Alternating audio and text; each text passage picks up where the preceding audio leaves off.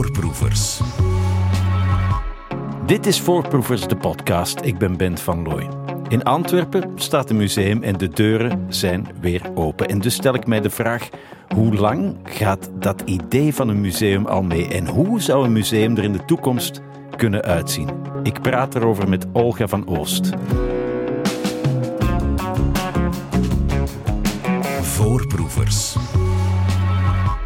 Uh, Olga van Oost, welkom nog eens in Voorproevers. Wat is jouw eerste herinnering aan een museum? Oh, um, wat, een, wat een moeilijke vraag. ik ben er zo vaak mee bezig. Uh, ik denk, eigenlijk, ik denk eigenlijk aan een boek, heel raar misschien. Okay. ja, ik denk eigenlijk aan het boek De Ontdekking van de Hemel van Harry Mulisch. jaren geleden gelezen. Um, en effectief, dat was voor mij eigenlijk is dat een boek dat speelt zich ook voor een deel af in, in Italië, in het oude Rome. Mm Alleen in het Rome, maar dat ook heel oud is. En, um, en ja, daar zitten heel veel ja, oude elementen in, kunstgeschiedenis. En toen ik dat las, ja. dacht ik eigenlijk van, ik weet hier veel te weinig over. En ik wil hier meer over weten. Want dat begon mij heel hard te fascineren. Van ja, oké, okay, die collecties, die, dat, oud, die oudheid eigenlijk, erfgoed. En zo ben ik eigenlijk naar musea gegaan. Want mijn allereerste ervaring dan is misschien eerder ja, niet zo'n goeie. Dat is eerder zo bijvoorbeeld in de oude in een musea van kunst en geschiedenis, in het Meegesleurd worden ja, een beetje saai, een beetje stoffig. Het clichébeeld eigenlijk. Uh, maar het is eigenlijk door dat boek dat ik anders ben beginnen denken. Ah, ja. En dat ik eigenlijk ook uh, ja, enorm gefascineerd geraakt ben, vooral door musea eigenlijk. En daar heel mijn ja, professionele leven eigenlijk al mee bezig ben. Ja, ja. Ik, ik, sleur mijn dochters natuurlijk ook door allerlei ja. stoffige oude musea. Ik ben aan, aan, mijn oudste van zeven aan het uitleggen dat twee museums, musea zijn en dus geen museums. Uh, Olga, dat woord museum, waar komt dat vandaan? Ja, dat is natuurlijk een, een, het woord zelf hè, komt van het Griekse museum, mm -hmm. uh, echt de Griekse oudheid. En daar wordt ook vaak in museumgeschiedenis ook naar verwezen. Hè. Dan zegt men, ja, de tempel van de muzen. Hè. Maar als je dat bekijkt, eigenlijk is dat uh, niet echt het museum zoals we dat vandaag zien. Dat is eerder ja, een plek, denken we ook, hè, want dat vinden we ook eerder in de literatuur terug. Uh, dat, die ging over filosofische reflectie, ontmoeting, nog belangrijke dingen vandaag natuurlijk. Hè, de tempel van de muzen. Maar ik denk dat een een, hedendaagse manier van kijken naar een museum toch wel ja, veel het breder Het leek niet op een museum zoals nee, we dat vandaag voilà. kennen. Oké, okay. maar, maar, maar de Grieken maakten toch prachtige beelden. En, en, ja. en, en hoe, hoe, werden die dan gepresenteerd? Ja, ja maar die, die, die werden ook gepresenteerd in de openbare ruimte, eerder op die manier. En het is eigenlijk, denk ik, vanaf ja, veel later dat we, dat we die uh, beelden en objecten ook zijn echt gaan verzamelen in daar... Ja, om hun schoonheid. Ja, om hun schoonheid, maar ook om kennis. Hè. Dat was ook heel erg belangrijk. Het, niet alleen de schoonheid, maar ook waar ze voor stonden natuurlijk. Hè. Uh, de betekenissen van die beelden, daarvoor zijn we die ook gaan verzamelen. En, en ja, dat is heel belangrijk. En we zijn ze gaan verzamelen en bijhouden, maar eigenlijk heel, meer structureel later. Ja, dus ja. niet eigenlijk in die periode. Als wij kijken naar ons huidige moderne museumconcept, gaat dat eigenlijk eerder terug tot ongeveer het pak de 15e eeuw. Ja, dat ja. is toen, mij toen begon meer, die verzamelwoede. Mensen gingen voilà. Uh, uh, uh, mooie dingen bij elkaar brengen -hmm. om indruk te maken. Ja en nee, want ja, natuurlijk, dat heeft er altijd in gezeten. Maar als je eigenlijk kijkt naar bijvoorbeeld 15e eeuw, renaissance, ja. dat is een heel belangrijk moment. Het ideaal van de universele mens, de ontwikkeling van de mens. De religie was natuurlijk nog altijd het framework waar we in zaten. Maar toch, dat idee van die maakbare mens kwam heel erg al in ontwikkeling. En dan zie je ook dat bijvoorbeeld kennis heel belangrijk wordt, mm -hmm. altijd maar belangrijker.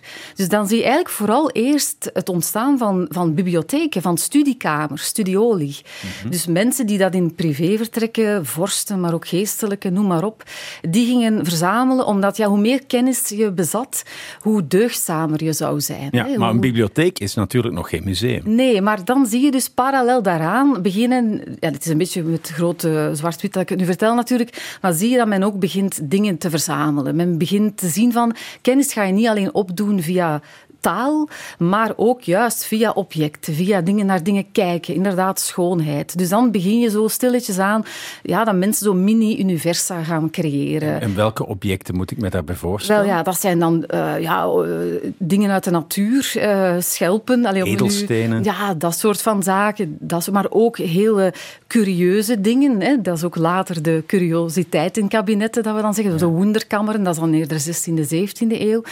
Um, maar men begint al die dingen te verzamelen. Maar men, ja, men heeft duidelijk nood aan, men wil de wereld begrijpen. Hè. Mm -hmm. dat, daar gaat het eigenlijk heel de tijd over. En, ja, en, en dan ziet men dat in die privé vertrekken. Maar ja, effectief, zoals je zegt, ja, je begint verzamelingen aan te leggen, maar mensen zijn ook mensen. Dus mm -hmm. ja, in die privésfeer, dat is goed en wel, maar het is ook wel interessant om daarmee naar buiten te komen. Hè. Ja, dat was toen nog helemaal niet aan de gang. Nee. Het eerste echte museum dat nog bestaat, uh, staat in Oxford. Ja, laten we zeggen, het, een van de meest bekende musea die, uh, die, we, allee, die we nu nog kennen, dat is het Ashmolean Museum ja. in, uh, in Oxford inderdaad. Een van de eerste echt publieke musea. Dat is eigenlijk belangrijk, het woord publiek, die eigenlijk openbaar waren. Het Universiteitsmuseum van Oxford, ja. Ja, dat, dat was een gigantische verzameling van inderdaad uh, prachtige renaissance kunst, maar ook curiosa, zoals een Stradivarius viool of wat was het nog? Ja, de opgezette dodo, misschien wel de metafoor voor dingen die in een museum eindigen. Hè. Legendarisch, zeldzaam, maar ook dood. Mm -hmm. Ja, ja, zeker. Uh, ja, dood, ja. Effectief. Is het museum een plek waar dingen gaan om te sterven? Um, Laten we zeggen, dat is een hele belangrijke discussie altijd geweest. Van, ook bijvoorbeeld voor de, de levende kunstenaars. Hè. Dus dat is een, een heel ander aspect. Maar als je kijkt naar echte kunstmusea, dat waren inderdaad altijd musea voor dode kunstenaars ook. Mm -hmm. Of voor het werk van, van dode kunstenaars. En daar is echt een strijd gevoerd, ook in de 19e eeuw, heel sterk, om juist plekken te geven voor hedendaagse kunstenaars, voor levende kunstenaars, die ook hun recht wilden hebben in het museum, bijvoorbeeld. Ja. Nu, een, een, een, eigen museum hebben begon op een gegeven moment echt belangrijk te zijn. Ja. Het stond ook heel chic hè? vanaf de 18e eeuw, eind 18e eeuw en zeker in de 19e eeuw zien we ja. die opkomst van die grote nationale ja. musea. Ja, absoluut. Hè. Dus je ziet een hele kanteling hè, van, van, zoals ik zei, van, van die kleine klein daarvoor niet, maar laten we zeggen privékamers. Dat wordt altijd meer uh, publiek gemaakt, maar de samenleving verandert. En dat is natuurlijk cruciaal, omdat ja, musea ook vandaag nog communiceren constant met die samenleving. Hè. Hoe het museum er nu uitziet, heeft daarmee te maken. Ja goed, maar in het begin was dat toch vooral voor uh, de gegoede Zeker, burger. ja, ja. En toen ook nog hoor, in de 19e eeuw. Maar, maar enfin, dat begint dan te veranderen. Okay. Maar wat dat je dus ziet, effectief in de 19e eeuw, dat is echt het moment ook van heel de ontwikkeling van nazistaten. Hè, van onze parlementaire democratieën. Dus je ziet heel erg dat heel die samenleving verandert. Hè. De Franse revolutie natuurlijk is een heel belangrijk punt. En dan zie je dus dat we in een periode zitten dat ja, heel Europa, laten we zeggen Europa, moet zich eigenlijk ook heruitvinden. Mm -hmm. En je moet dus... Um, ja, politiek heruitvinden. Maar wat zien we dan ook? Dat is dat ja, je kan je niet alleen maar politiek heruitvinden, je moet ook je cultureel eigenlijk heruitvinden. Of jezelf bevestigen. Zoeken naar die identiteit. En daar waren die musea natuurlijk prachtige vehikels ja, voor. Hè? Want ja. daar kun je trots op ja, zijn, daar kun je tonen hoe ontwikkeld je bent, hoe rijk, mm -hmm. hoe machtig. Ja, zeker. En dat is effectief wat er dan ook gebeurde. En dat mag ook, je mag trots zijn, maar natuurlijk vandaag stellen we daar ook wel vragen bij. Want dan krijg je effectief bijvoorbeeld in de UK uh, een, een, um, een National Gallery uh, op Trafalgar Square, hier in België ook, het Museum van Brussel, ook Antwerpen dan, KMSKA nu dat open gaat. Uh, dat is trouwens naar het model van het Altes Museum in Berlijn. Mm -hmm. En die hebben allemaal ook diezelfde uh, architectuur ja. trouwens. Hè? Ja, Tamelijk inderdaad. bombastisch zou je kunnen zeggen. Het zijn echt tempels. Hè? Ja, ja, voilà. Maar dat is, dat is effectief om dat beeld te bevestigen. Hè. Dus, ja. dus dat is ook heel interessant om te zien, ook als je rondkijkt in de wereld, dat dat effectief allemaal, dat is effectief hetzelfde model. Ook eind uh, 19e eeuw, Metropolitan Museum of Art in New York, Boston ja. Fine Arts, we doen allemaal hetzelfde model. Ja, je zou kunnen zeggen, misschien is het museum één grote piedestal voor, voor de cultuur van de natie dan. Je zou dat, ja, dat is Van die hoge trappen, in het ja, KMSK ja. is dat ook. Als je naar boven loopt, Ja. dat, je, je, je wordt, je wordt een beetje eh, klein als mens als je naar boven absoluut, stapt. ja. Dus dat is de bedoeling voor een stuk, is dat echt om ook wel de cultuur op een piedestal te zetten. Dus je kan dat ook positief bekijken. Maar natuurlijk, het is ter ere van zo'n stukje natie of een stad. Ook van natuurlijk een bepaalde, ja, effectief, zogezegd beschaving. Hè. Dat zit daar heel hard in, want daar zie je ook, en daar hebben we vandaag ook kritiek op, ja, ook vaak een verheerlijking dan op dat moment van het imperialisme Mm. en het koloniale natuurlijk. Hè. Want wie zijn dan degenen die die musea uitbaten of beheren? Ja, dat is uiteraard echt de elite en de gegoede burgerij. Ja. En ja, dat schuurt natuurlijk. Hè. En dat deed het toen ook al. Dus in die zin is het museum... Ja, draait of keert als je, zoals je wil, is in oorsprong echt wel een heel elitaire Ja. eh, bedoeling. kan ook heel mooi uitpakken. Ik weet nog heel goed in, in, in de jaren negentig, eh, dat zag je heel goed in Bilbao, een, griezel, een Mhm. Ja. groezelige industriestad in, in, in Baskeland. En ineens, eh, ja, wanneer was het? Begin jaren negentig, denk ik, kwam daar een prachtig blinkend Guggenheim Museum. Dat Ja. was zo'n belangrijk moment. Ja, zeker. En dat heeft effectief, of, of neem het Mas in Antwerpen ook. Hè. Dat, zijn, dat was ook een, een buurt die echt moest een beetje, die mocht, kon een boost gebruiken. En dan heb je echt wel musea die daar echt wel een rol spelen in stadsontwikkeling. Ook economisch en voor de wijken. En dat is op zich goed natuurlijk.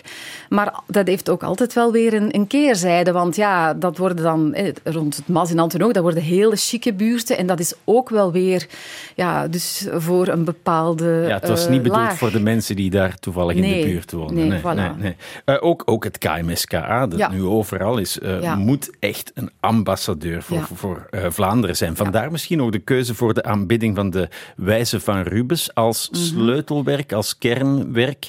Vroeger was dat misschien die, die, die prachtige Madonna van Fouquet, misschien nog iconischer. Er werd daar heel bewust naar Rubens gegrepen dan. Ja, dat, dat weet ik nu niet wat daar exact achter zit, maar dat zal zeker zo zijn. Maar ook terecht natuurlijk. Hè. Dat, dat, is ook wel, dat zijn prachtige stukken uit die collectie. En dat, en dat zie je nu ook wel. Hè. Ook heel de, de omkader nu, wat er allemaal gebeurt rond KMSKA, dat is allemaal heel waardevol. Hè. Ook het feit dat de kunstgeschiedenis eigenlijk op een, op een, ook in de media komt op een hele fijne manier, dat is allemaal heel knap. En ook een grote inspiratie voor veel mensen. Ehm, maar ja, we moeten natuurlijk altijd zien dat het... Ja, we moeten altijd wel blijven streven naar toch die verbreding. En ook, ook dat blijft op een bepaalde manier wel voor, ja, voor bepaalde mensen en voor bepaalde mensen niet. Hè. Dus dat zal nu ook het werk zijn van het KMSKA. Ze zijn er nu, het is geweldig.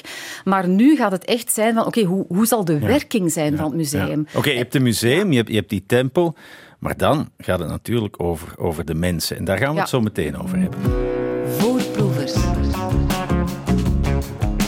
Ja, het is al museum wat de klok slaat in de mainstream media deze dagen. En daarom wilde ik het met deskundige ter zake Olga van Oost van het Vlaams Steunpunt voor Cultureel Erfgoed hebben over het museum als ding. Om dat ding is duchtig onder de loep te nemen. We hadden het al over die nationale musea die als paddenstoelen uit de grond schoten in hoofdsteden aller landen. Een typisch product van hun tijd, de 19e eeuwse tempels. Maar in de 20e eeuw gebeurt er iets. Ja, zeker. Ehm, want wat je natuurlijk ziet, ook al in de 19e eeuw, dat begint, hè, die educatieve opdracht, eh, die zat er altijd wel al in. Hè? Want ik heb net gezegd, van ze waren heel elitair, dat is ook zo. Maar uiteindelijk wel, zeker vanaf die 19e eeuw, vond men dat men, men begon natuurlijk te veranderen. Er was ineens een volk. Hè? Er was niet alleen, je moest in een democratie wel werken met, eh, met de burgers. En dus was heel veel, het was heel belangrijk om, eh, om beleidsmakers dachten na, hoe gaan wij hiermee om? Hoe moeten wij met het publiek omgaan eigenlijk? En dan zie je dat daar, ehm, ja, dan zie je dat de dingen beginnen te veranderen. Dat bijvoorbeeld musea ook daar een belangrijkere Ja. taak beginnen te krijgen. Ja, dus niet langer eh, eh, meters hoge marmeren trappen, maar de drempel moest letterlijk Mhm. Ja. verlaagd worden. Ja, inderdaad. En dat, dat zie je ook in, in architectuur bijvoorbeeld. Hè. Ehm, bijvoorbeeld, een, een, mooi voorbeeld is het gemeentemuseum in Den Haag. Nu Kunstmuseum Mhm. eh, Den Haag, al een hele tijd. eh, maar ik hou wel graag vast aan gemeentemuseum. Eh, maar daar zie je echt, dat is uh, Berlage die dat gemaakt heeft. Hè. Uh, echt in het interbellum, in, tussen die twee wereldoorlog, is dat project begonnen. Natuurlijk echt ook wel, ja, dat is de tijd van, van de arbeidersontvoogding, ook vrij ja, socialistisch ook mhm. wel. De, dat was echt wel de, de inborst, zal ik maar zeggen. Maar je bent niet langer een dwerg tussen de reuzen, hè, als je daar binnen wandelt? Nee, nee, nee, het is dat. Dat, dat is zo. Dus het is... Um, enfin, en, en om, dan, om eventjes te schetsen, ook voor de mensen die het misschien niet kennen, het, het grote verschil hè, bijvoorbeeld met dat museum en die tempels van musea, is dat je inderdaad niet meer die trap naar boven hebt, mhm. maar je hebt eigenlijk gewoon vanaf de straat een lange gang naar de ingang letterlijk laagdrempelig. En dan zie je, ja, dan, dan wordt dat bezoek echt zo vergemakkelijkt. Maar het was niet alleen dat natuurlijk, het was ook in heel het denken over het museum dat daarover uh, ja, echt werd nagedacht over hoe kunnen wij meer mensen binnenkrijgen, hoe kunnen wij... Ja, maar voor een stuk ging het dan ook echt over die zogenaamde beschavingsopdrachten. Dat, is, dat is weer altijd een beetje het, de, de, de wringende kant daaraan. Het ging niet alleen maar van kom maar lekker binnen, helemaal niet. Het ging ook wel echt over uh, ja, hoe kunnen we ze eigenlijk een beetje beschaving bijbrengen, zo gezegd. Wat mij ook heel erg opviel, is dat van die laagdrempelige uh, musea er ook vaak uh, privé-initiatieven waren. hè? Mhm. Je hebt het Kruller-Muller Museum op de Veluwe en mijn lievelingsmuseum ter wereld, uh, Louisiana bij Kopenhagen. Heel discreet, met respect voor de omgeving. Mhm. In het geval van Louisiana is die omgeving zelfs bijna even belangrijk als de kunst. Ja, ja, absoluut. Want, en dat zie je ehm, heel vaak effectief eerder misschien in het buitenland. Maar kijk zelfs naar een Henry Tate. Hè. De, de man, eh, de, de founding father, allee, de, de founder gewoonweg van de Tate Gallery in eerste instantie. Uh, Tate, wat nu Tate Britain is eigenlijk. Mhm. hè. De oude uh, Tate. De oude Tate, zo gezegd. Dat was vroeger de, de, de enige. maar hij was een, een, een suikermagnaat, een industrieel. En hij heeft collectie gemaakt en hij wilde echt dat dat publiek werd. Hè. Dus echt vanuit die Mycenas-gedachte. Maar hij wilde wel dan een museum hebben. Dus in die zin is dat ook een beetje zijn, is ook een soort mausoleum bijna. Dus dat heb je dan wel. En een prestige uh, Absoluut. Dus het is altijd wel, ja, ja, altijd wel die verschillende eh, kanten dat eraan mm, vastzitten. Even tussendoor, Olga, wat is jouw lievelingsmuseum ter wereld? Uh, even tussendoor. Ik heb er heel veel natuurlijk. Hè. er moet er één zijn. Ja. Um, wel, laten we zeggen, ja, nu zou ik moeten zeggen KMSKA natuurlijk, omdat ik er juist ben geweest, omdat ik uh, daar iedereen geweldig vind. En dat is ook zo. Maar als ik dan even buiten ons land kijk, is het misschien veiliger. Het is ook niet zo ver, maar ik hou wel heel erg van het Van Abbe Museum eigenlijk, in Eindhoven. Um, voor, eigenlijk voor heel veel dingen. De collectie is echt een, een prachtige moderne kunstcollectie. Ook Van Abbe was ook zo een, een industrieel. Hè? Een, mhm. de, het, de, naam zegt het zelf. En die echt zijn collectie heeft opengesteld, die een museum wilde voor de mensen in Eindhoven en daar verder.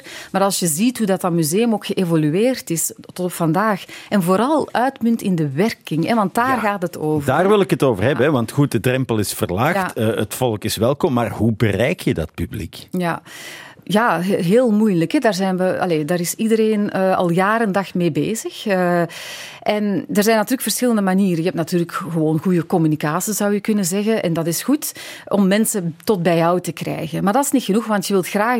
En dat is echt heel bijzonder vandaag. Toch veel musea willen niet alleen maar dat mensen even komen naar een tentoonstelling. Nee, ze willen eigenlijk die mensen binden aan zich. Mm -hmm. ze daarom moet je iets gaan beleven, meer dan iets gaan bekijken. Is dat het? Ja, beleven, zeker. Dus dat wil zeggen dat je bijvoorbeeld een mooie scenografie hebt, dat het echt aangenaam is om er te zijn. Eh, en dat zie je bijvoorbeeld ook in een Van Abbe museum. Dat is Allee, dat is gewoon prachtig, uh, kleurgebruik. Ook, maar, het, maar het is ook heel toegankelijk gemaakt, letterlijk. Bijvoorbeeld nu uh, voor mensen, slechtziende mensen. Mm -hmm. uh, en je kan ook, er zijn ook installaties om te ruiken. om, ja. om, allee, dat soort van indrukken worden helemaal meegenomen, ook in die beleving. Ja, dat zie je wel vaker. Hè? Zo die immersive experience. Ja, ja. Bijvoorbeeld in het, in het Flanders Fields Museum heb je heel persoonlijke video's die dan afgewisseld worden met, weet ik veel, zandzakken en dat soort dingen. Dat, dat werkt, hè?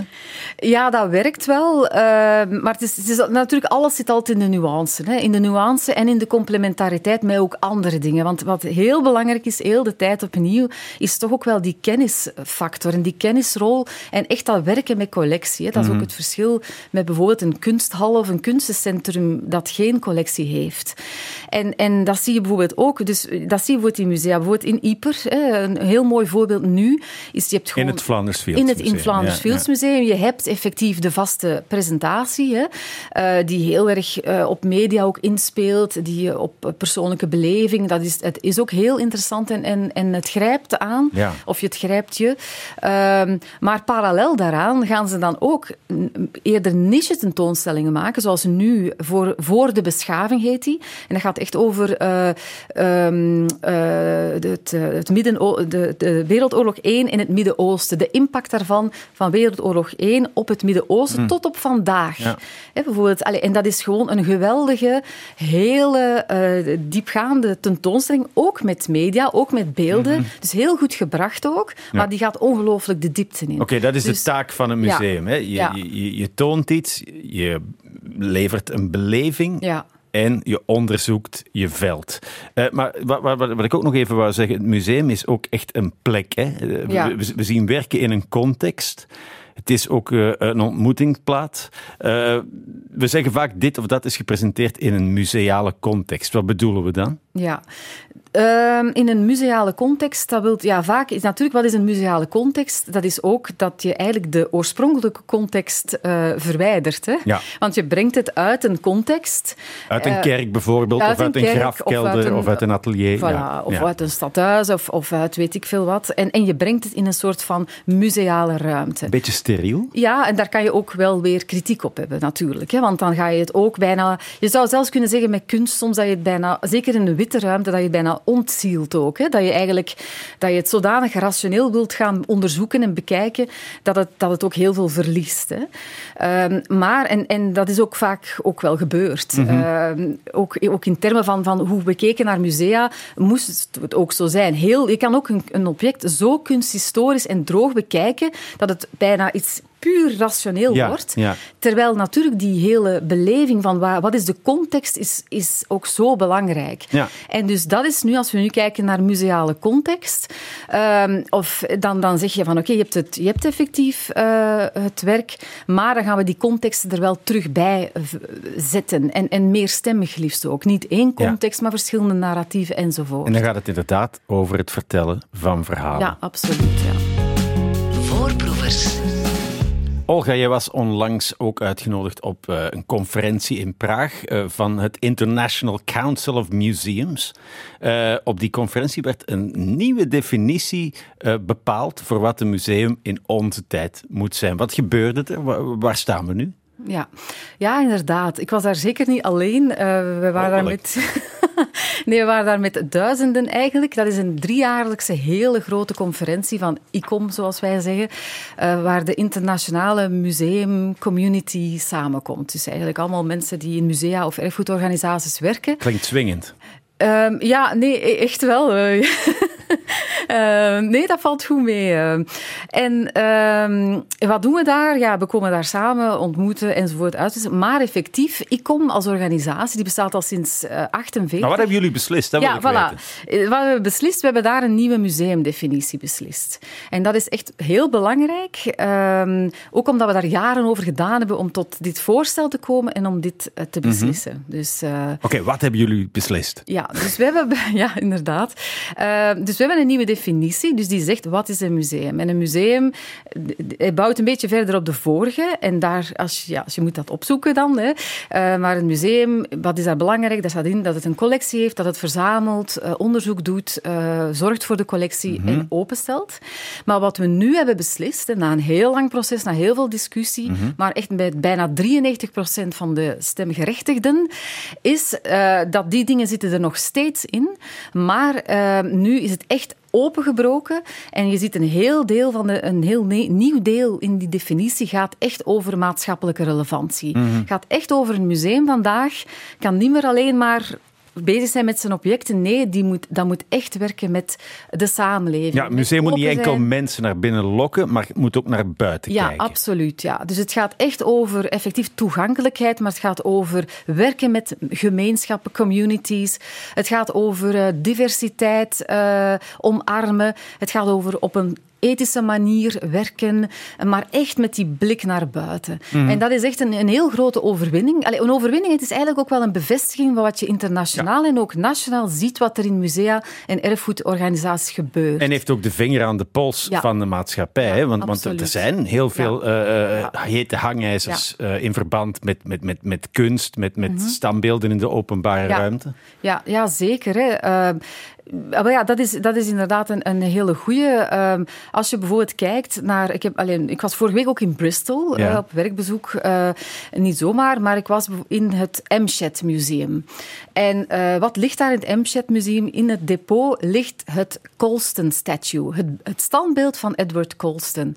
En, Waarvan we allemaal de beelden hebben gezien. ja. Hè? Ja. Werd, werd, werd, werd ja, scheef getrokken, eh, het water in, geloof ik Ja. zelfs. Nee? Ja, wel ja. Dus Colston was, een, was even voor de, voor de context, eh, was een, een, eh, een slavenhandelaar, een heel bekende figuur ook in Bristol. Bristol was, was echt ook een draaischijf voor slavenhandel vanuit Afrika naar alle contraien en vooral naar de Amerika's. Ehm, maar die man heeft heel veel betekend ook wel voor die stad, want heel veel is daar gebouwd natuurlijk. En vandaar dat hij onder andere ook een standbeeld had. Dat standbeeld was al jaren en door in het oog van, van heel veel inwoners daar, ook van activisten. En effectief op een bepaald moment, ehm, heel exact zelfs 7 juni 2020, midden ook in de nasleep van Black Lives Matter, na de moord op George Floyd. Dat heel, heel die movement heeft dan echt natuurlijk een, een, een enorme boost gekregen. Hebben vier jongelui effectief dat beeld van de sokkel gehaald en het gevandaliseerd, beklad en in eh, de rivier gegooid. Juist. Het is er dan uitgehaald, maar dan was de vraag, wat nu? Hè? En dan, en dat, daar kom ik dus even toe, eh, van, van oké, wat kan een museum dan doen? Dat, was het, dat museum is ook een gemeentelijk of stedelijk museum. Dus eigenlijk, zoals hier ook heel vaak is, het is het lokaal bestuur dat eigenlijk eigenaar is en degene is die het museum beheert. De politiek zit heel dichtbij. Maar toen heeft men echt meteen gedacht, oei, maar wij als politiek kunnen dit niet oplossen. Ja. En de, het museum, heel terecht, heeft eh, de opdracht dan gekregen om de bevolking en ook daarbuiten te consulteren van wat moeten wij nu eigenlijk doen. En dan zie je dus echt dat het museum daar echt die maatschappelijke rol opneemt Mhm. van wat moet er nu met dat standbeeld gebe- gebeuren. Maar uiteindelijk ging het niet meer alleen over dat standbeeld natuurlijk. Het gaat over een veel bredere Ja, discussie. het- Ja, wat, maar concreet, wat is er met dat standbeeld gebeurd? Ja, dus, dus wat er nu dan gebeurt is, het ligt nu nog in depot. Er is dan een, ook een, een, eh, een geschieden, een history commission aangesteld en zo. En op basis van heel die consultatieronde, eh, moet, nu moet wel het bestuur terug het besluit nemen, wat gaat er nu gebeuren. Nu, waarschijnlijk komt het dan toch in het museum terecht, maar eh, helemaal omkaderd. Hè. Maar waarschijnlijk, dat is ook de bedoeling, dat is ook van de mensen die daar wonen. Ehm, weet je, het probleem is dat het gaat zoveel verder dan dat standbeeld. Het gaat Ja. over racisme, het gaat Ja. over diep gewortelde discriminatie. Daar gaat het allemaal over. En dat standbeeld wekt dat allemaal op. Dus dat heeft heel veel eh, losgeweekt. En het museum nu ja, neemt daar ook een rol op, of wil dat graag, om bijvoorbeeld ook daar te bemiddelen.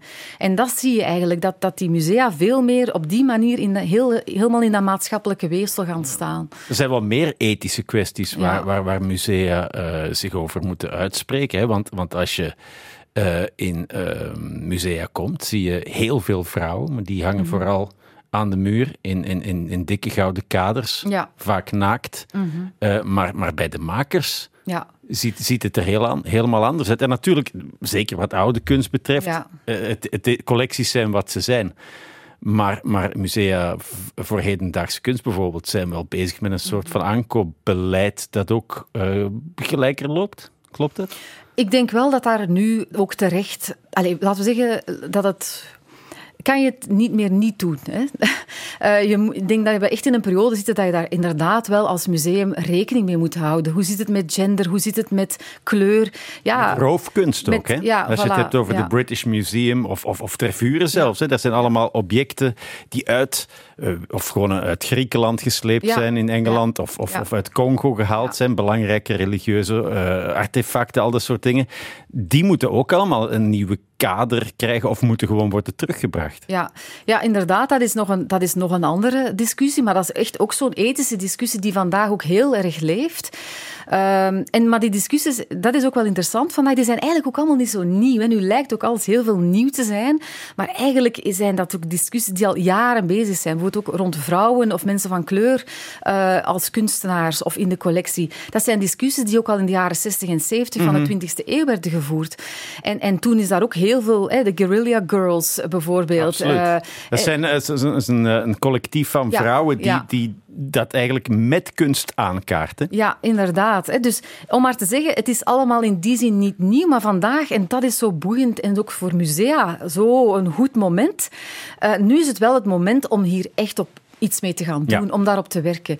En bijvoorbeeld zelfs, om, om te zeggen, een klein uh, dingetje, dingetje, misschien, British Museum en de Elgin Marbles, dat werd zelfs al in de 19e eeuw aangeklaagd. Mhm. Dat het eigenlijk niet juist was dat die verscheept waren naar, uh, naar, naar uh, Londen. En dat die eigenlijk thuis ja, onder de Griekse voilà, zon. Inderdaad. Ja, echt waar. Dus, maar ja, kijk, ehm, ja, zo, zo, gingen de dingen toen, maar dat wil niet zeggen dat we daar nu niet anders naar, naar allee, moeten kijken of mee moeten omgaan natuurlijk. Mhm. Volgend weekend is het eindelijk zover. Het KMSKA heeft er alles aan gedaan om zichzelf zo aantrekkelijk mogelijk te presenteren. Maar de verantwoordelijkheid ligt ook een beetje bij onszelf. Om af te sluiten, Olga van Oost, hoe kan je zelf als museumbezoeker meer uit je bezoek halen? Ja, um, ook een hele goede vraag. Um, en er is vandaag heel veel mogelijk, denk ik. Hè. Uh, je kan je gewoon informeren. Er zijn ook websites. Dat is wel heel basis eigenlijk. Um, ook veel literatuur. Ik dacht er nog aan. Maar het is ook, ja, ja, we waren er net even over bezig. Wat ik heel mooi vond, is dat je zei van het is beter om uh, je te focussen op een paar specifieke werken dan te proberen om alles snel, snel, snel naar binnen te slurpen. Zeker. Dat is, dat is bijvoorbeeld ook, je hebt ook zelfs de Slow Art Day. Dat is echt één dag in het jaar. Ik ben nu even de datum kwijt.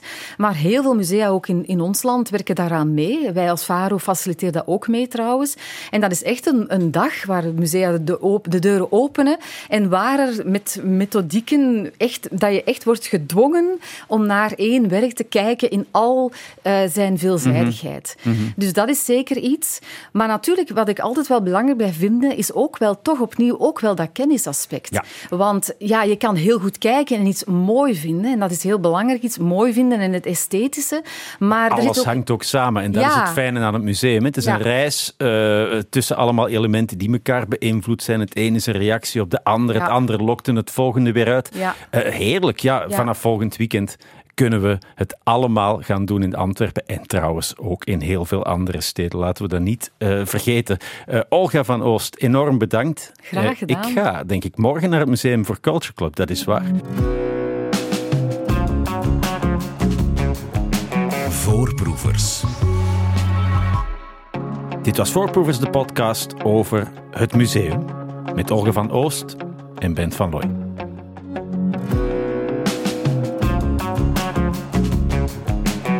Voorproevers.